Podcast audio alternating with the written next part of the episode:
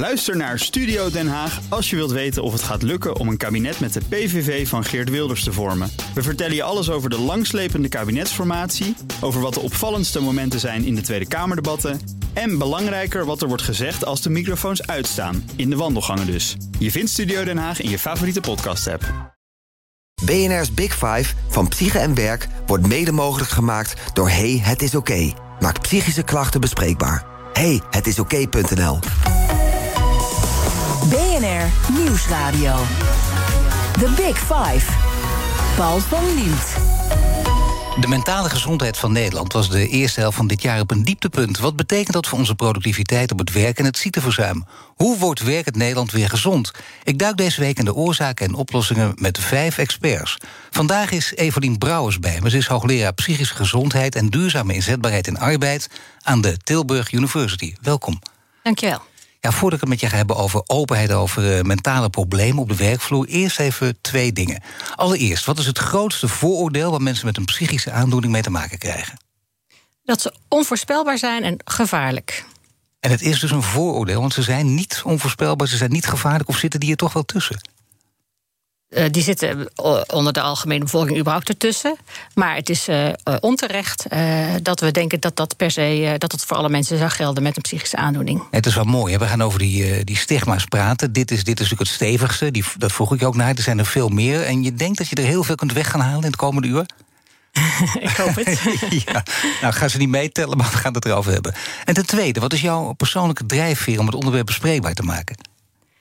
Um, nou, ik, ik uh, ja, stigma wordt de tweede ziekte genoemd. En uh, ik zie dat het uh, eigenlijk onterecht is dat er een heleboel vooroordelen zijn die gewoon ook niet kloppen, die gebaseerd zijn op verkeerde kennis. En dat mensen daar eigenlijk last van hebben. en dat vind ik eigenlijk toch wel erg. Dat dat naast de, de, de gezondheidsproblemen die ze toch al hebben, dat ze dus daar eigenlijk extra last van hebben. En dat gaat tegen mijn gevoel van rechtvaardigheid in daar komt het woord gevoel. Dan gaat dus niet direct meteen als. Ik vroeg ook naar de persoonlijke drijfveer, niet direct over de wetenschappelijke drijfveer, want die komt daarna dan. Uh, jazeker, jazeker. Dit is ook een, een ontgonnen terrein. Dus uh, dit is echt een, een nieuw terrein om, om te kijken naar stigma en communicatie um, over psychische gezondheid in de werkomgeving. En, um, dus ik heb ook, mijn drijfveer komt er ook van dat we nieuwe dingen ontdekken. Maar wel interessant, hè? dit een onontgonnen terrein. Maar hoe komt het dan? Waarom is daar zo weinig onderzoek naar gedaan? Nou, heel simpel. Omdat we eigenlijk heel lang, decennia lang, uh, gedacht hebben dat als mensen uh, niet goed meedoen aan de arbeidsmarkt uh, en ze hebben psychische problemen, dat het komt door die psychische problemen. Uh, en nu eigenlijk in de laatste, uh, twee, ja, laatste twintig jaar, zeg maar, is veel duidelijker geworden dat er een heleboel andere dingen meespelen. Die, die bepalend zijn voor of mensen wel of niet duurzaam inzetbaar kunnen zijn. En eigenlijk is nu de laatste paar jaar pas in de internationale literatuur dat daar eigenlijk steeds duidelijker wordt dat stigma een groot probleem is. En dat vinden wij ook in onze onderzoeken. Maar er zijn eigenlijk in Nederland nog maar heel weinig onderzoekers die daar onderzoek naar doen. Ja, terwijl dat dus voor heel veel mensen ook van belang is om te weten wat eruit komt, natuurlijk. Voor werkgevers, werknemers, voor mensen die werk willen hebben. Want hoe belangrijk is werk voor mensen met psychische problemen? Ja, werk is ontzettend belangrijk voor, voor alle mensen. Kijk, toevallig is mijn onderzoeksterrein uh, mensen met psychische problemen, maar werk is gewoon voor iedereen heel belangrijk. Werk brengt uh, hele grote voordelen. Het, het, zorgt voor natuurlijk voor inkomen, uh, maar ook voor identiteit, voor afleiding, voor sociale contacten. Dus het brengt een heleboel goeds mee. En nu willen mensen er ook graag open over zijn. Maar toch, uit jouw onderzoek blijkt het volgende. Openheid over mentale problemen op de werkvloer of in een sollicitatiegesprek is niet altijd verstandig. Maar waarom dan niet? Uh, dat klopt, uh, omdat uh, nou, wij eigenlijk min of meer per ongeluk erop zijn, ja, achter zijn gekomen dat er gewoon ontzettend veel discriminatie is. Dus dat mensen gewoon uh, op basis van vooroordelen niet aangenomen worden... of op basis van vooroordelen uh, hun contract niet verlengd wordt. Maar probeer me wel ook even iets voor te stellen. Je contract wordt verlengd of je zit er voor het eerst voor een sollicitatie... en er wordt nog een vraagje gesteld en je zegt misschien aan het eind... Oh ja, één ding, ik ben even vergeten. Ik heb last van autisme of ik heb te kampen met een bipolaire stoornis... of met depressie of met ADHD of wat voor etiket je er ook op plakt. Ja, je kunt je ook voorstellen dat de andere partij er enigszins van schrikt, of niet? Of is het gek? Nee, zeker niet. Nee, ik, ik snap dat, uh, dat mensen ervan kunnen schrikken. Vooral eigenlijk om de, als ze eigenlijk er weinig vanaf weten. En dus um, ik spreek voor mijn onderzoek best uh, veel mensen ook met, met autisme. Uh, en die zeggen, meerdere keren heb ik al gehoord dat mensen nog steeds last hebben van de film Rain Man.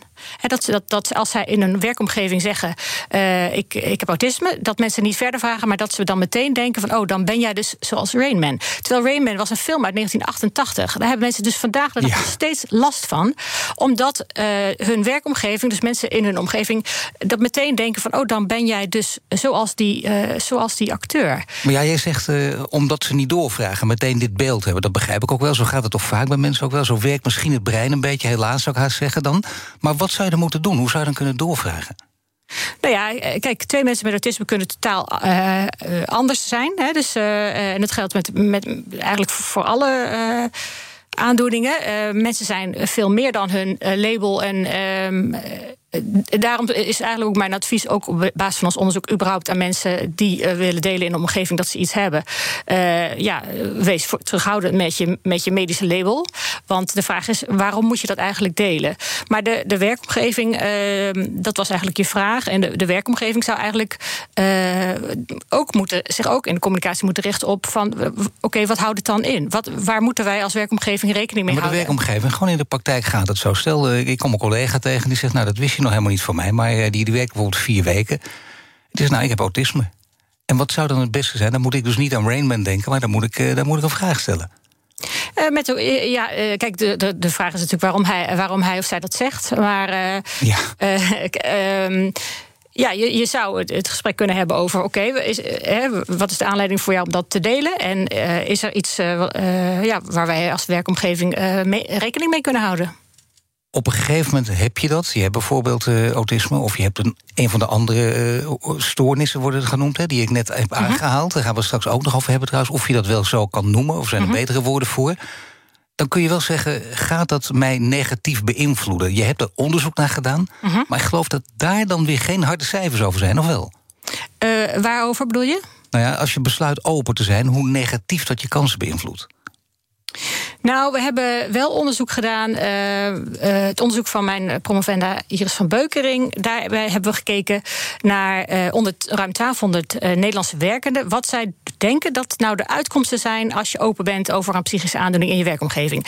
En dat is een representatieve steekproef. En, en, en daaruit blijkt dat um, ongeveer 70% van de Nederlandse werkenden denkt dat als je open bent uh, tijdens uh, het hebben van een tijdelijk arbeidscontract, dat je daarmee de kansen aanzienlijk verkleint dat je contract verlengd wordt.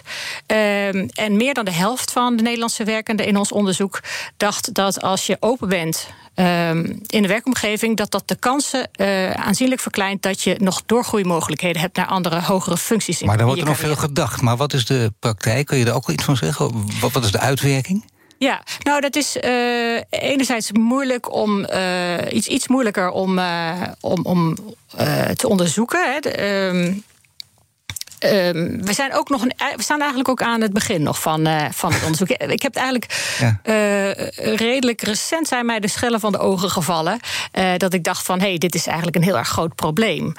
dus we, hebben, we, we, zijn daar nog, staan daar nog aan het begin. Maar hoe komt dat? Waarom zijn zo, zo kort geleden pas de schellen van je ogen gevallen?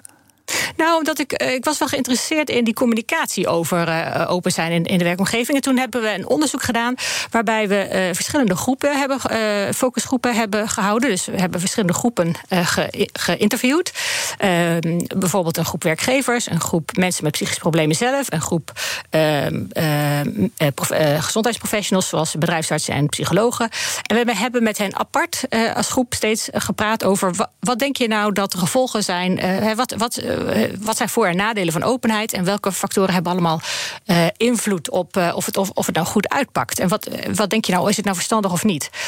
En wat daar de grote eye-opener in was, is dat eigenlijk iedereen uh, al die groepen waren voor openheid. Iedereen zei ja, ik denk dat openheid echt uh, goed is.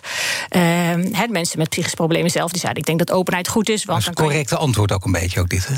nee, nee, nee. Vanuit hun eigen perspectief dacht iedereen um, openheid is goed. Want de, de, mensen met psychische problemen zelf die zeiden openheid is goed, want dan kan je jezelf zijn op het werk, hoef je geen smoesjes te verzinnen als het te veel wordt. de, de, de, de gezondheidszorgprofessionals die zeiden nee, openheid is ook goed, want dan kunnen wij mensen beter helpen. Werkgevers zeiden dat ook. Hè, van als we weten wat er bij iemand speelt, dan kunnen we ze beter ondersteunen. Maar de HR-mensen zeiden ja, wij zijn ook voor openheid, want dan, kunnen we, dan, dan nemen we die mensen gewoon niet aan. En toen dacht ik, hé, hey, daar, is, daar is, zit een heel groot ehm, knelpunt. want als je kijkt naar de cijfers, mensen met psychische aandoeningen zijn drie tot zeven keer zo vaak werkloos.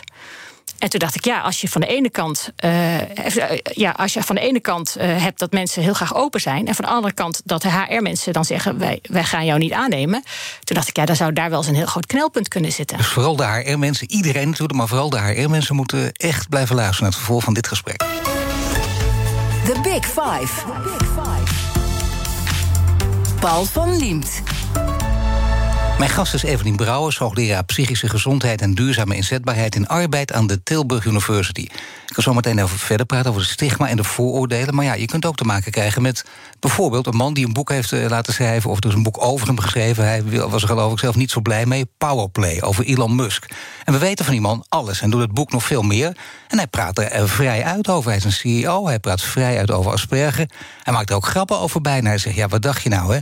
Ik ben iemand die. Uh, die, die, die zo'n gekke elektrische auto opnieuw verzint. Ik ben iemand die mensen met een raket naar Mars laat schieten. Dacht je dat ik normaal was? Dat soort opmerkingen maakt, die helpt dat? Is hij daarmee een ambassadeur of heb je er niks aan?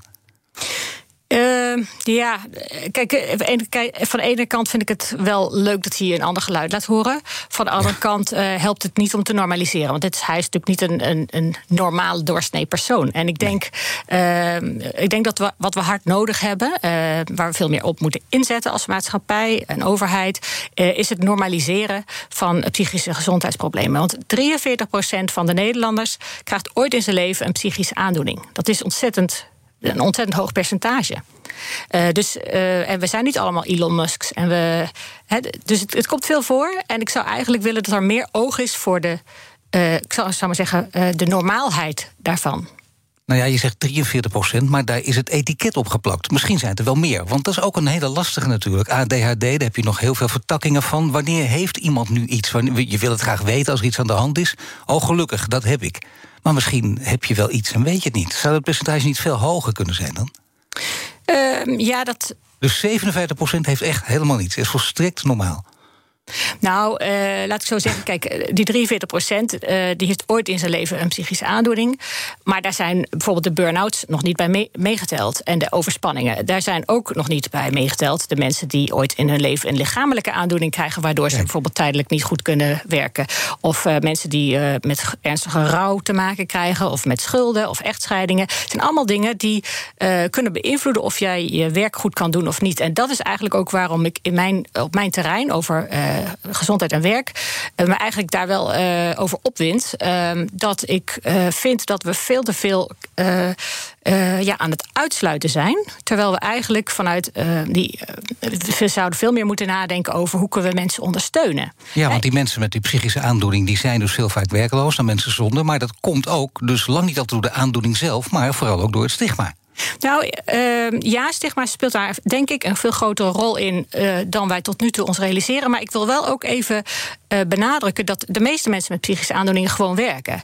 Dus, uh, dus het is ook niet zo dat, dat die allemaal langs de kant staan of zo. Ehm, maar, maar ze zijn, deze groep is wel vaker werkloos dan mensen met bijvoorbeeld lichamelijke aandoeningen of zonder, lichaam, zonder aandoeningen. Nou ja, je kunt natuurlijk in uh, meer of mindere mate daar last van hebben. Een lichte ADHD, een, een stevige bipolaire stoornis, dat zijn nogal verschillen. Uh, in meerdere of mindere mate kun je last hebben van zo'n stoornis. Maakt de heftigheid van die stoornis iets uit? Uh, of gaat het om het stigma in algemene zin? Of maakt het ook echt uit hoe stevig het is? en maakt het uit voor wat? Nou ja, voor hoe mensen tegen je aankijken en of ze je misschien wel willen aannemen. En of ze je kansen bieden in je werk. Uh, ja, dat zal vast meespelen. Kijk, uh, ja, trouwens, dat, dat, uh, natuurlijk maakt de ernst van de van de klachten en de symptomen uh, wel uit. Dat hebben we inderdaad ook in dat onderzoek. Uh, is, was dat een van de bevindingen want, uh, waar ik het net over had, waar we gesproken hebben met die verschillende groepen. Ehm, wil dat niet zeggen dat je uh, niet kan werken. Als er goed omgegaan wordt in jouw werkomgeving, met uh, goed rekening gehouden wordt met wat jij nodig hebt om nee, je werk ik, te doen. Ik kan me voorstellen dat je er kwaad over bent, want je hebt het over 43 procent. Daarna noemde je nog mensen, een burn-out telt niet mee, mensen die ook nog allerlei andere klachten hebben, allerlei uh, klachten die, die psychische spelen. Dan kom je misschien wel op. Ik zeg het nu, dat mag ik niet doen, maar ik ben ik wel, ben geen wetenschapper. Maar dan kom je op veel meer uit, misschien wel 70, 80 procent. En dan ben je dus als normaal, dus aanleidingstekens, een, een kleine minderheid ja, zou ik af willen van, van, van de precieze cijfers daaromtrent. Ik denk dat we gewoon veel meer ons moeten realiseren. Er is we moeten niet meer zwart-wit denken. We moeten niet meer denken in: jij bent ziek, dus jij kan niet werken. En, jij, en je moet eerst maar gezond worden en dan kan je weer werken. Ehm, we, moeten, we moeten veel meer het normaliseren en, en ons realiseren dat, dat mensen ehm, ook met gezondheidsuitdagingen best kunnen werken als, ze daar, als daar goed mee omgegaan wordt. En natuurlijk is het zo dat als je bepaalde symptomen hebt, dat dat kan zorgen dat het, je, dat het moeilijker is om je werk goed te doen. Als je heel erg moe bent of je hebt last van pijn of iets anders, dan ja, natuurlijk maakt het dat moeilijker. Maar dan is het dus juist extra belangrijk dat jouw werkomgeving ook kijkt van hé, hey, hoe kunnen wij jou daarin ondersteunen, zodat jij ondanks die pijn of die, die vermoeidheid of zo toch jouw werk kan doen. En, en dat er ook gewoon uh, goed gekeken wordt naar wat, uh, waar, liggen, ja, waar, waar, liggen jouw talenten, wat kan jij goed en wat, wat vind jij ook leuk. Want dat is ook belangrijk. Waar krijg je energie van? En nou, ik denk dat als ik denk dat de uh, de HR uh, daarin in de komende jaren een grote verandering uh, in gaat doormaken. En dat hoop ik ook. Dat we dus van het uitsluiten van mensen op basis van de zwart-wit denken over gezondheid. veel meer gaan naar: hey, hoe kunnen we jou ondersteunen? Ik hoor het goed, Evelien. Het zit toch vooral bij HR. Bij HR moeten de ogen worden geopend. Die moeten in de gaten hebben dat er wat aan de hand is. En dat je dat gewoon ten positieve kunt veranderen. Ja, ik wil niet het vingertje meteen naar HR wijzen, want HR eh, is natuurlijk onderdeel ook van de werkgever. Hè? Dus um, ik wil ook werkgevers hier uh, over aanspreken, uh, hierop aanspreken. want de HR-mensen die wij hebben geïnterviewd, en daar ben ik ook heel dankbaar voor dat zij aan ons onderzoek hebben meegedaan, maar die zeiden ook van ja, weet je, als antwoord op de vraag van ja, is het nou wel of niet verstandig voor iemand om open te zijn over psychische aandoeningen in een werkomgeving? Daar zeiden, werk, daar zeiden HR-mensen ook van ja, weet je, ik vind het voor die persoon heel erg vervelend. Uh, dus als ik vanuit een persoonlijk perspectief mag spreken, dan zou ik zeggen: zeg het maar niet, want dan word je er niet op aangewezen. Maar ja, van mijn, vanuit mijn rol als HR-medewerker ja, heb ik toch uh, de taak eigenlijk om het bedrijf te beschermen tegen financieel risico.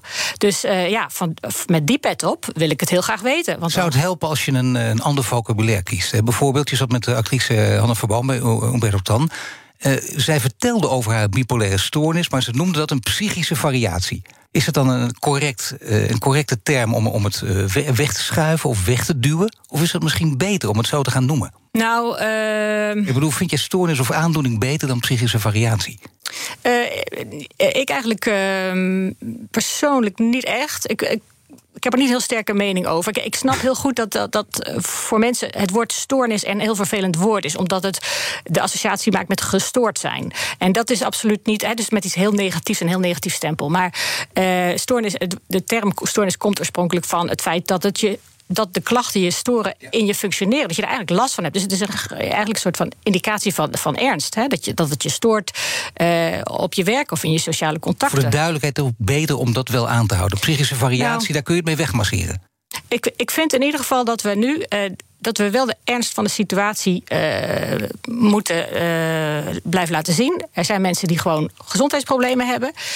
Maar ik vind dat we iets moeten doen aan, aan dat negatieve gevoel daarbij. Daar, daar moeten we ons op richten. En niet hetzelfde, uh, weer oude wijn en nieuwe zakken... en een, een nieuwe naam voor hetzelfde. Dat, dat zou, ja. Maar goed, nogmaals, ik heb daar niet een heel sterk gevoel over. Nou weet je dat, uh, dat mijn gasten elkaar steeds vragen stellen in de Big Five. In de vorige aflevering was hier Ninette van Hasselt van het Trimbos Instituut. Die had deze vraag voor jou. Als je het hebt over mensen die kijken naar mensen met een verslaving... In, die in de gezondheidszorg werken, uh, hoe die kijken naar mensen met een verslaving en wat dat, zeg maar, hoe hun handelen daardoor bepaald wordt. Um, en wat je daar ook mee kan, daar ben ik benieuwd naar. Ja, dus hoe denken hulpverleners over mensen met verslaving? Wat zijn de gevolgen daarvan voor de zorg die ze krijgen? Wat zou je eraan moeten doen? Nou, we hebben daar uh, onderzoek naar gedaan, uh, een aantal jaar geleden, met, met, toen mijn promovenda uh, Leonica van Boekel. wij vonden toen dat, we hebben toen een, zo, zoals dat heet, een systematic review gedaan. Dus dat betekent dat we internationaal alle literatuur bij elkaar hebben gezocht. Die ging over wat, hoe denken hulpverleners over mensen met een verslaving. en, en ook wat, wat zijn de gevolgen voor, voor de zorg die ze, daar, die zij verlenen.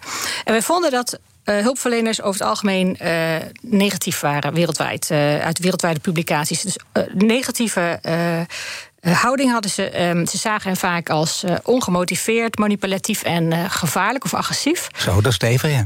En, en dat had ook negatieve consequenties voor de zorg die ze verleenden. Dus ehm, de zorgverleners waren minder empathisch eigenlijk. hadden dat, dat vertaalde zich in kortere visites of kortere contacten. Ehm, en minder betrokken bij hun. en minder positief naar, naar hun patiënten toe. Dus ik vind het wel een beetje gek. Ik bedoel, je bent zorgverlener misschien op die reden juist wel geworden. Dat je juist deze mensen wil helpen of bijstaan. Was jij niet verbaasd met deze uitkomsten? Uh, nou ja, wij deden onderzoek naar stigma, dus ik had al wel vermoeden. ja. Uh, uh, ja, van de ene, ene, kant wel. Maar wat we dus zagen in, dat, in ons onderzoek ook, is dat ehm, het heel erg te maken had met uh, de hoeveelheid kennis en juiste kennis uh, die uh, de zorgverleners hadden. Dus we zagen dat de, de negatieve voordelen sterker waren bij artsen um, en zorgverleners die wat verder van verslavingskennis afstonden. Hè. Dus de, de, zeg maar de huisartsen die waren, hadden negatievere opvattingen dan, dan de verslavingsartsen bijvoorbeeld. maar ook bij, de, bij de verslavingsartsen, daar heb je weer het probleem wat ze in de literatuur de physician's bias noemen. Ja. en dat dat betekent dat, dat, dat verwijst naar het feit dat artsen eigenlijk alleen maar mensen zien continu uur na uur met wie het heel slecht gaat. En uh, dus eigenlijk niet zo goed de, de mensen zien met die daarna weer opknappen. En dat zorgt voor een scheef beeld.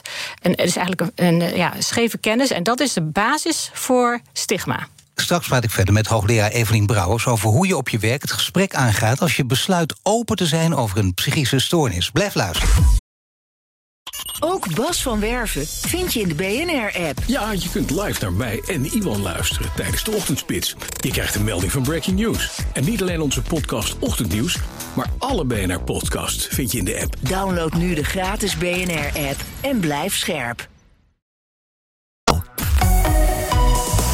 BNR Nieuwsradio. The Big Five. Paul van Liemt. Welkom bij het tweede half uur. Deze week vijf kopstukken over psyche en werk. Later deze week praat ik nog met psycholoog Wilma Schauffele over bevlogenheid. Te gast is Evelien Brouwers, hoogleraar psychische gezondheid en duurzame inzetbaarheid in arbeid aan de Tilburg University. Ja, komend half uur wil ik in ieder geval nog twee onderwerpen met je bespreken. Namelijk hoe we psychische stoornissen kunnen normaliseren. En wanneer het verstandig is om op het werk te praten over je psychische aandoening. Je hebt er iets van gezegd, maar we gaan er nu flink op door. Vooral met het laatste dus beginnen. We hebben het gehad over de negatieve gevolgen van die openheid. Maar er zitten ook voordelen aan. Je hebt er een paar genoemd. Wat zijn de beste voordelen die je hebt als je gewoon open bent? Ja, nou, we hebben daar inderdaad ook onderzoek naar gedaan uh, van wat zijn nou de voor- en de nadelen. En wij vonden dat er meer voordelen zitten aan openheid dan nadelen. Maar de nadelen zouden wel eens zwaarder kunnen wegen. Uh, wij vonden vier voordelen. Uh, eerste voordeel is dat, je, uh, dat, er, dat het uh, relaties op het werk kan verbeteren. Hè? Dus dat als je vertelt, ik heb dit en dat, dat andere mensen zeggen: Oh, nou, dat, dat, dat, dat mensen dat sympathiek vinden, of je beter begrijpen, of, of je een gunfactor toekennen. Ja. een tweede voordeel is ehm, dat mensen dat je meer jezelf kan zijn. Dus dat je geen smoesjes hoeft te verzinnen als het eigenlijk te veel is voor je om mee te gaan op het bedrijfsuitje, dat soort dingen. Uh, het, um, het, derde voordeel is dat uh, als je iets hebt, uh, dat anderen, ja, de, als iemand iets deelt van ik heb dit of dat, dat een ander ook denkt van oh, dan mag ik ook iets hebben. Dus dat het bijdraagt aan een betere, veiligere werkomgeving. En het vierde voordeel is dat het, dat er, dat het concrete werkaanpassingen toe kan tot concrete werkaanpassingen kan leiden die je misschien nodig hebt om het werk vol te houden. Dus dat, nou ja, zijn... dat, ja, dat zijn allemaal hele begrijpelijk ook, dat snap ik. Eh, dat zijn behoorlijk voordelen op een rij eigenlijk. Maar als je dan besluit, aan de hand misschien wel van deze voordelen, dat je denkt, nou weet je wat, ik moet het gewoon gaan vertellen. Het, het lucht ook op, het is veel prettiger voor mij, maar hoe pak je dat aan? Uh, nou ja, uh, belangrijk is uh, eigenlijk, is, wat ik heel belangrijk vind uit onze onderzoeken, blijkt dat ook ehm, dat er is niet één advies wat voor iedereen geldt. Hè, het, het, het, enige advies dat geldt is denk er goed over na, over jouw eigen situatie. Wat, en dan denk dan vooral naar van waarom zou ik het eigenlijk willen delen? wat haal ik daarmee? wat haal ik eruit? Kijk, nou ja, vanwege al die voordelen die jij noemt. Ja, maar er zijn ook twee grote nadelen. Die heb ik nog niet besproken, maar dat zijn stigma en discriminatie. Uh, en discriminatie, daarmee bedoelen we bijvoorbeeld gewoon uh, het gedrag. Uh, dus, dus laat ik zo zeggen, stigma is uh, het label wat je krijgt, het stempel. Het woord stigma komt ook uit het Grieks en dat betekent uh, brandmerk. En het verwijst naar de tijd dat uh, de oude Grieken hun, hun slaven en criminelen daadwerkelijk brandmerkten, zodat iedereen kon zien van hé, hey, dit is iemand die minder waard is. En dus het, het, het stempel geeft, maakt dat jij anders gezien wordt en daarmee gelijk ook als minder waard, minder, waard minder capabel gezien wordt. Uh, en discriminatie is de gedragscomponent daarvan. Dus, en, en, dan kan je dus denken aan bijvoorbeeld dat je contract niet verlengd wordt, of dat je ehm, vermeden wordt, of dat je geen doorgroeikansen hebt. Nee, dat begrijp ik. Maar dan wordt, het, dan word je een calculerende burger, dan wordt het zo'n zo'n berekening. Terwijl uiteindelijk kan de opluchting opeens staan natuurlijk. Dat je dat gedurfd hebt en dat je dan ook denkt: wacht even, als er wat misgaat, dan weet je waarom iemand, als iemand mij gaat brandmerken, dan, nou, dan loop ik bijvoorbeeld naar de afdeling HR die naar jou geluisterd heeft. En nu weet, ja, natuurlijk. en nu weet dat ze anders moeten reageren. Of zou, je, je zou zeggen, je kan ook geen advies geven. Je zegt dus ook hier nou, ook, dit nee, is, nee. ook dit is weer maatwerk. Ik heb wel een paar adviezen, maar het, het grootste uh, punt wat ik wil maken is: uh, er is niet een e- kant-en-klare oplossing die voor iedereen geldt. Dus, uh, en dat, gaat, dat is vooral ook omdat communicatie is iets tussen een zender en een ontvanger. en, dus, en, daar, en, en de zender kunnen, kun, daar, he, dus jij als persoon die iets, die iets heeft wat je wel of niet wil vertellen, je hebt allerlei overwegingen. Je hebt je klachten, zijn je klachten erg of niet? je, je hebt, ja, heb je er stress van of niet? Wat, um, om, dat je het wel of niet kan vertellen. Voor sommige mensen is het uh, uh, fijn om het te vertellen. Want dan, uh, dan kun, he, bijvoorbeeld die begat in hun cv, dat moeten ze verklaren. Of ze hebben zoveel stress van dat, ze, dat ze het niet kunnen vertellen. Dat ze daar op zich alweer overspannen van raken. Nou ja, maar dat is ook begrijpelijk. Dat, dat mensen kunnen, dat weten we toch uit andere onderzoeken, kunnen geheimen ook nooit voor zich houden. Dat levert een enorme druk op. Dus op, op een gegeven moment gaat het maar vertellen. Je weet op een gegeven moment ook bijna niet meer wat voor smoes je gebruikt hebt. Ja, ja maar ja, van de andere kant heb je dus ook die ontvanger. En die ontvanger, ja, dat, dat is dus ook belangrijk om over na te denken. Stel nu dat in een sollicitatiegesprek, dat de werkgever zegt, uh, die weet wat er aan de hand is. Je hebt een heel open gesprek. En dan zegt die werkgever, misschien goed bedoeld, maar misschien is het helemaal niet goed. Die zegt dan: Weet je wat, uh, ik neem je aan, ik vind je hartstikke goed. Ik weet dat je asperger hebt. Alleen praat er maar niet over met je collega straks. Kan dat of niet? Of, of, moet je dan de werkgever aanspreken en zeggen: luister, jij weet, maar ik heb liever dat er gewoon een omgeving hier is waar ik gewoon in kan functioneren in alle openheid. Ja, ik vind dat uh, moeilijk om te zeggen. Ik denk dat het, uh, ik denk dat het allerbelangrijkste is dat, er, dat uh, mensen daar normaal over kunnen praten. En met elkaar ook het gesprek over aangaan. Van wat, wat vind jij prettig? Hè? Dus zo'n werkgever zou dat kunnen zeggen. En zou kunnen zeggen van het lijkt mij in deze werkomgeving goed om dat niet breed te delen. Ben je, ben je daarmee akkoord? Of sta, denk je daar anders over? Dat, dat is al weer een andere insteek. Ja. Nu is het wel zo dat uh, ja, werkgevers kijken ook naar hun voordelen. Waarom zouden ze dit doen? Waarom zouden ze mensen met een stoornis aannemen? Wat, is het positieve voor werkgevers om dit te doen? Nou ja, ik denk dat we gewoon uh, heel erg veel mensen uh, onterecht afserveren. we hebben gewoon heel veel vacatures. Er is, er is gewoon tekort aan capabele mensen. En ehm, ja, waarom zouden we ons, ons blind staren op een, een bepaald label. Uh, interessant is dat wij, wij hebben onderzoek gedaan onder uh, een representatieve steekproef van 670 leidinggevenden. Van allerlei soorten bedrijven en organisaties. en hebben wij gevraagd wat, hoe zij denken over, mensen, over het aannemen van mensen met, een psychische, met psychische problemen. En dan blijkt dat 64% zei: Ik zou op voorhand, als ik zou weten dat de sollicitant psychische problemen heeft, zou ik hem niet snel aannemen.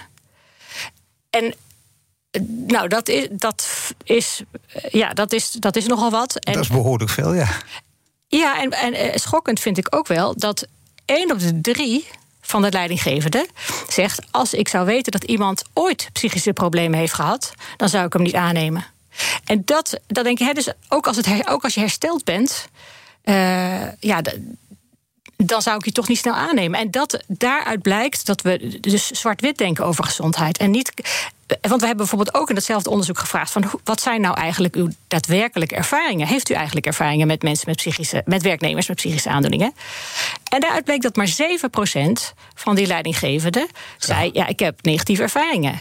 En de, en de rest had, uh, meer dan de helft, had positieve ervaringen. Allemaal naar Rainman gekeken, dat, uh, dat lijkt het een beetje op. Maar ze laten zich enorm leiden door vooroordelen. Dat, is, dat ja. vind ik wel toch verbazingwekkend. Ja, heel erg door vooroordelen en eigenlijk dus niet door hun eigen ervaring. Dus dat is, en dat is, eh, daarom zeg ik ook, het is echt een onderzoeksterrein waar, waar we nog veel meer van af moeten weten. Want hoe komt het dat mensen zo, zo negatief zijn en zo terughoudend zijn? En dat zo... is heel interessant, want ik weet zeker voor open microfoon, die zou deze vraag stellen aan die werkgevers, dat ze dit nooit zouden toegeven. Dan nee? komt er toch een heel mooi verhaal, een mooi riedeltje, ja, natuurlijk.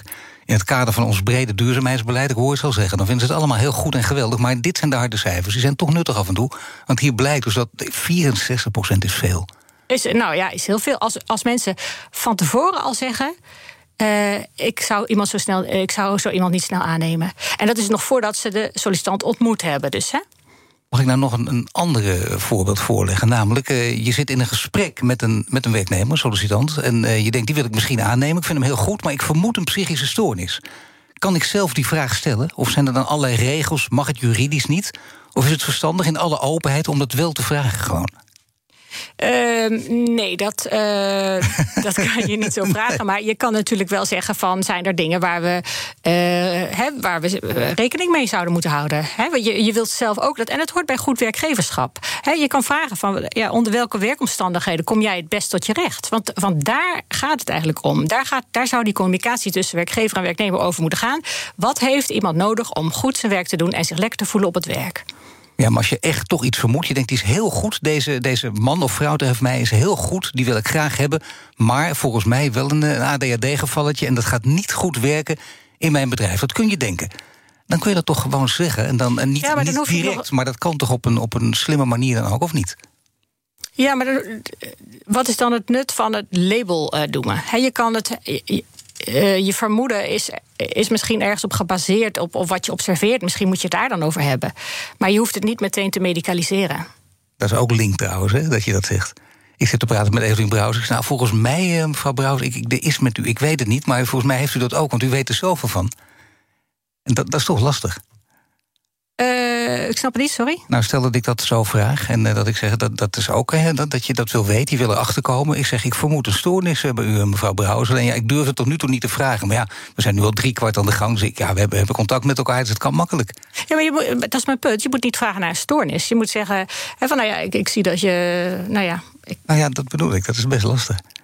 Ja, maar kijk, dat is, dat is wel mooi dat je dat zegt. Want uh, wat, er zo, wat, wat wij ook vinden in ons onderzoek, is dat communicatie over dit soort dingen ontzettend lastig is. En daar moeten we veel meer onderzoek naar doen. Uh, wij vonden bijvoorbeeld dat diezelfde vier, uh, datzelfde onderzoek uh, waar die 64% van de leidinggevenden zei: ik zou iemand niet zo snel aannemen, daar vonden we dat 40% van de leidinggevende zei: Ja, maar ik weet eigenlijk ook niet hoe ik een werknemer kan helpen met psychische problemen.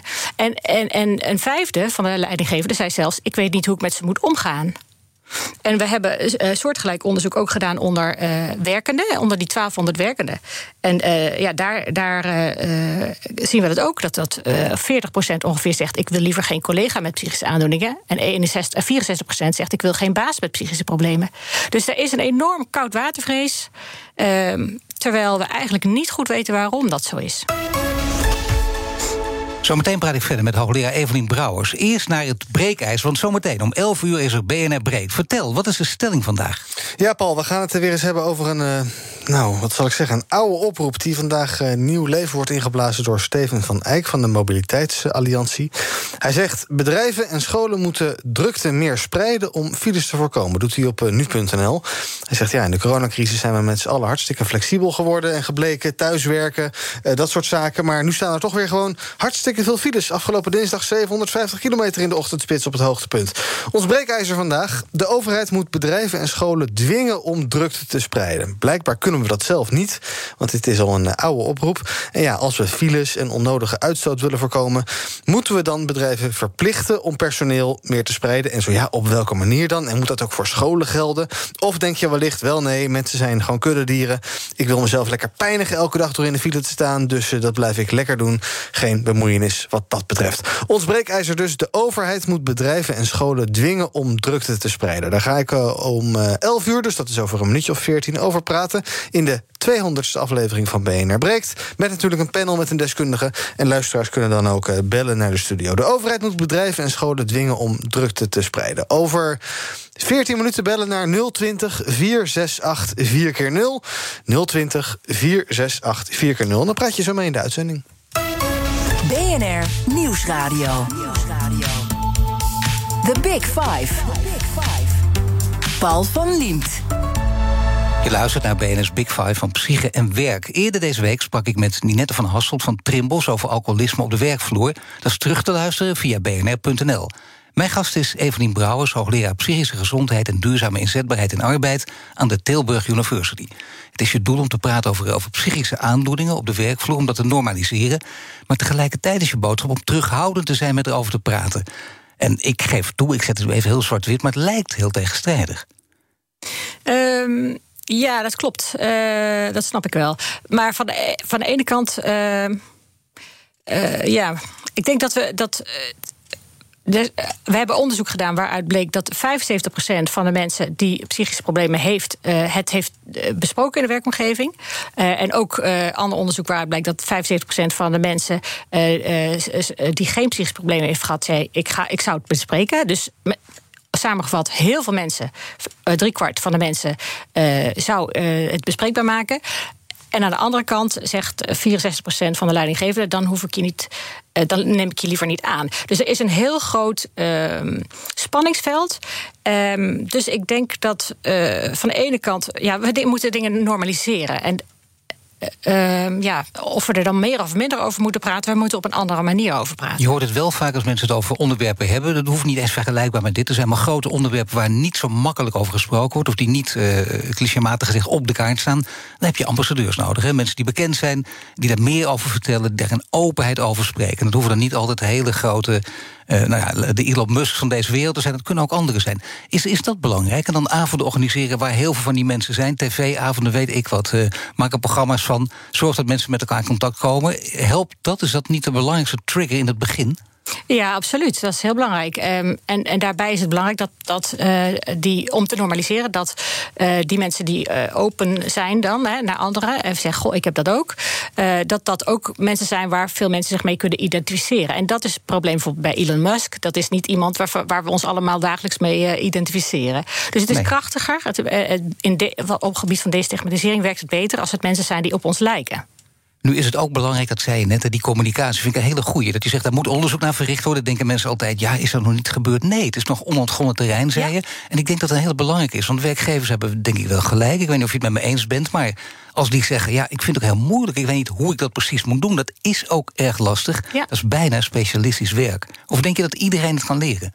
Nee, dat kan iedereen leren. Het is gewoon, uh, ja, ik denk dat we veel meer moeten inzetten op, uh, uh, op, op die communicatieve vaardigheden van leidinggevenden. En ook, en ook van, ja, eigenlijk van, iedere, van alle stakeholders wel. Ik vind het wel ook belangrijk om. Iets minder krampachtig ook. Ehm, nou, meer. Nou ja, van de ene kant, de, de, de werknemers moeten misschien uh, leren dat ze communiceren over wat heb ik nodig om mijn werk goed te doen. Dus dat ze misschien uh, juist al die, die, dat medische verleden en uh, hun medicijngebruik en de trauma's uit het verleden, dat dat niet de plek is in de werkomgeving om dat te delen als het niet een functie heeft. Of als het niet je werk daadwerkelijk verstoort. en van de andere kant moeten, moeten die leidinggevenden ja, het, het gesprek aangaan van wat, wat heb jij nodig om, om je lekker te voelen en je, en je werk goed te doen. Dan heb je nog een heel interessant punt aangesneden in je oratie... over psychische gezondheid en duurzame inzetbaarheid op de werkvloer. Je zei het volgende, ik citeer. Er is enorm potentieel voor verbetering op dit terrein... maar daarvoor moeten we op een andere manier naar gezondheid, ziekte... en duurzame inzetbaarheid kijken. Wat ja. bedoel je daar dan mee? Nou ja, uh, daar bedoel ik mee dat we dus uh, niet meer moeten denken in dat, uh, in dat zwart-witte van je bent ziek of gezond. Maar dat we dus meer moeten kijken van de meeste mensen hebben wel iets wat hun werkvermogen kan verstoren. Maar dus... zou het helpen als de hoogleraar die daar onderzoek naar doet zegt: Nou ja, ik heb zelf ook wel eens iets, of ik heb ook iets gehad. Ja. En dat nu openbaar maakt. Ja, nou, uh, dat zou het helpen. Ik, uh, ik heb niet uh, zelf geen. dat nog gelukkig nog niet meegemaakt, maar dat zou zeker. Jouw, jouw aandoening is dat je volstrekt normaal bent. Nee, nee maar goed. Zo wil ik het niet noemen. Ja, nee. nee. maar um, ik, ik heb het gelukkig niet meegemaakt, maar ik ehm, weet ook niet of ik dat zo zou vertellen. Want. Uh, ja, ik denk, en zeker niet op de radio. ja, uh, omdat, ik, ja, omdat er dus. De werkomgeving is er nog niet, nog niet, uh, nog niet klaar voor. En daar, in dat licht wil ik bijvoorbeeld een mooi voorbeeld geven. Mijn uh, promovenda Kim Janssens, daar doen we een groot onderzoek onder mensen die in de bijstand zitten met psychische problemen. En daar doen we een randomized control trial. Dat is een chic woord voor gewoon onderzoek met een controle en een experimentele groep.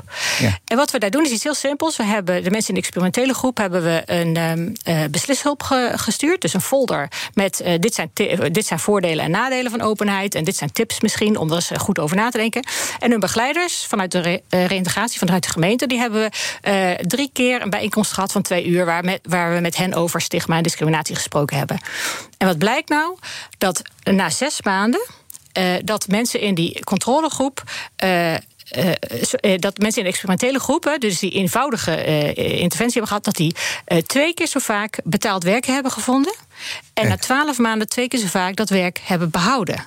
En dan denk ik, de enige interventie is hoe ze gepraat hebben over, is hoe ze is gericht geweest op hoe de communicatie verliep over hun psychische aandoeningen. Dit is onderzoek wat, waar we nog bezig zijn met publicaties, maar de cijfers zijn al heel helder. Uh, de, de, het vinden en behouden van werk ligt bij de controlegroep rond de 25 procent en bij de experimentele groep rond de 50 procent. En dat zijn enorme verschillen. Als je eens nagaat, uh, dat, dat zou dus kunnen betekenen dat, uh, dat we twee keer zoveel mensen aan het werk zouden kunnen helpen in Nederland als we ons daarop gingen richten. Nee, het is waanzinnig. Dit, dit zou echt een doorbraak zijn. We weten natuurlijk wel allemaal dat communicatie het moeilijkste is wat er is. Het wordt vaak onderschat, maar ik merk het ook als er iets fout is gegaan. Let maar op, bij alle grote zaken waar het ook over gaat, uiteindelijk de communicatie ging mis. Uiteindelijk is dat toch het verhaal op alle niveaus. En laat staan op dit niveau, want dit is lastig genoeg.